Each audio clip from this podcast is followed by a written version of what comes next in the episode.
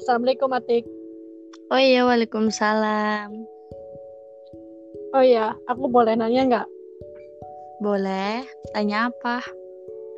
Kamu kan dari jurusan multimedia. Heeh. Apakah kamu tahu seputar tentang jurusan multimedia? Itu apa aja? Tentu saya tahu dong.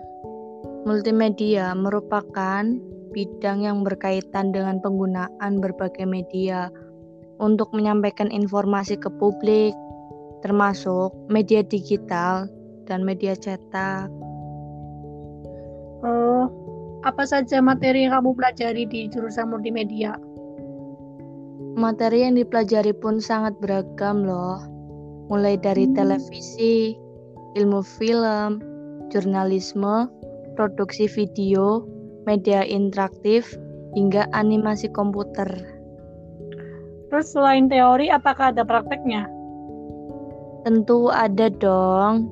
Di bidang ini kan memberikan praktek, seperti membuat situs web, membuat dan mengedit video, mendesain grafis, membuat animasi, dan membuat konten lainnya untuk berbagai jenis media. Hmm, terus praktek kerja jurusan multimedia itu apa aja? Tentu ada desainer web, perancang grafis, animator atau ilustrator, desainer media interaktif, dan pemodel atau desainer game loh. Oh, jadi gitu ya tentang multimedia. Ah, aku mau jadi pengen ke jurusan multimedia aja deh. Hei, Ya, yaudah itu dari aku. Makasih ya, Atik. oke. Assalamualaikum.